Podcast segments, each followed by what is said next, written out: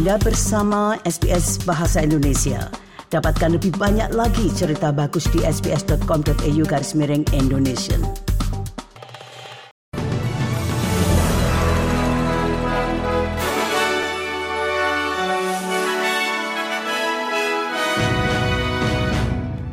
Berita terkini SBS Audio program Bahasa Indonesia untuk hari Jumat 1 Desember 2023. Israel dan Hamas telah sepakat untuk memperpanjang gencatan senjata mereka sehari lagi. Gencatan senjata itu telah mengizinkan sejumlah bantuan kemanusiaan masuk ke Gaza setelah sebagian besar wilayah pesisir berpenduduk 2,3 juta orang itu dihancurkan oleh serangan Israel.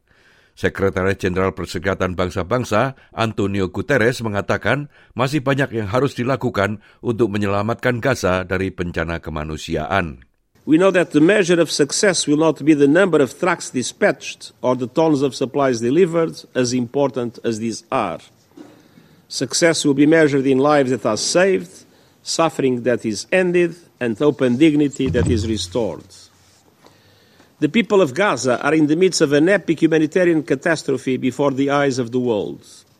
We must not look away.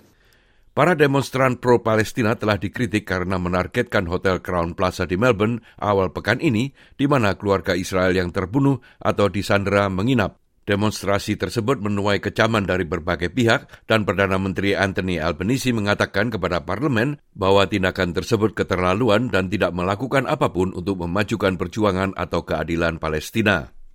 But at the moment, what we are seeing is humanity just cast aside There is no excuse, no circumstances where people should organise a demonstration against grieving families. None. None. Menteri Luar Negeri Rusia Sergei Lavrov menghadapi kritik dari pihak Barat pada pembicaraan keamanan internasional di Makedonia Utara. Beberapa negara anggota termasuk Ukraina telah memboikot acara Organisasi untuk Keamanan dan Kerjasama di Eropa atau SCE karena rencana kehadiran Lavrov di tengah perang Rusia di Ukraina. Namun, asisten Menteri Luar Negeri Amerika Serikat untuk Eropa dan Asia, James O'Brien mengatakan pada pertemuan itu bahwa penting untuk menunjukkan dukungan mereka terhadap organisasi tersebut sebagai sebuah prinsip. We do it for one another and we do it for ourselves. And as the chair so eloquently said at the start this morning, we do it for the most vulnerable populations in each of our societies. Russia's further invasion of Ukraine is a complete affront to, to civilized standards, to international law, and to the principles on which this organization is based. Otoritas Kesehatan Dunia mengatakan malaria kembali meningkat di seluruh dunia didorong oleh krisis kemanusiaan, kenaikan suhu, peningkatan kelembapan, dan curah hujan yang lebih tinggi.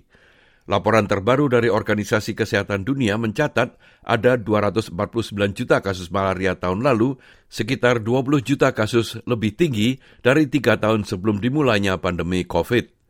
Direktur Program Malaria Global WHO, Dr. Daniel Ngamiji mengatakan diperlukan pendanaan yang lebih besar untuk membalikkan tren tersebut. Given current trends, continuing with the status quo will only lead us further off track.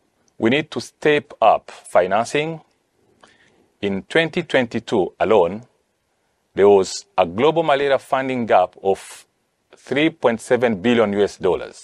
Pemerintah federal terus mempertahankan rencana baru yang disetujui untuk lembah Sungai Marli Darling yang masih menuai kritik dari pihak oposisi dan kelompok petani. Pemimpin Partai Nasional David Littleproud menggambarkan persetujuan undang-undang di Senat itu telah menyebabkan trauma pada orang-orang yang tinggal di daerah aliran sungai Mari Darling. Sebagian besar negara-negara bagian Mari Darling Delta, termasuk Victoria, juga menolak memberikan persetujuannya terhadap rencana itu dengan alasan kekhawatiran atas kebijakan dan cakupan pembelian kembali air. Menteri Lingkungan Hidup Tanya Plibersek mengatakan tawaran dari pihaknya masih terbuka. What's on offer to the Victorian Government is hundreds of millions of dollars of support. And if they don't sign up, um, we're likely to see more water recovery through voluntary water purchase, not less, in Victoria. Their position just doesn't make sense. Persatuan Farmasi Australia telah mengeluarkan seruan bagi pemerintah negara bagian dan federal untuk membantu menghilangkan penularan HIV pada tahun 2030. Presiden Persatuan Farmasi Nasional, Profesor Trent Tuomi, mengatakan ia yakin Australia dapat menjadi negara pertama di dunia yang menghilangkan penularan virus ini. Ia mengatakan pasien HIV di seluruh negara ini seharusnya mendapatkan pengobatan secara gratis seperti yang terjadi saat ini di negara bagian New South Wales dan Queensland.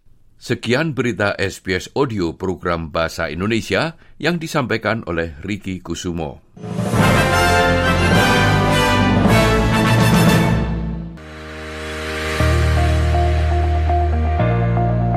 Anda masih mendengarkan siaran SBS Audio program Bahasa Indonesia.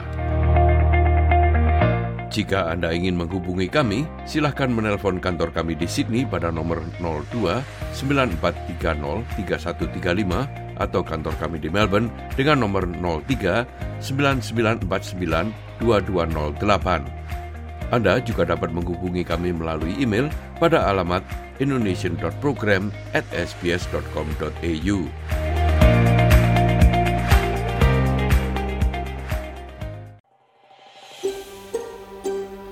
Sukai, berbagi, komentar. Ikuti SBS program Bahasa Indonesia di Facebook.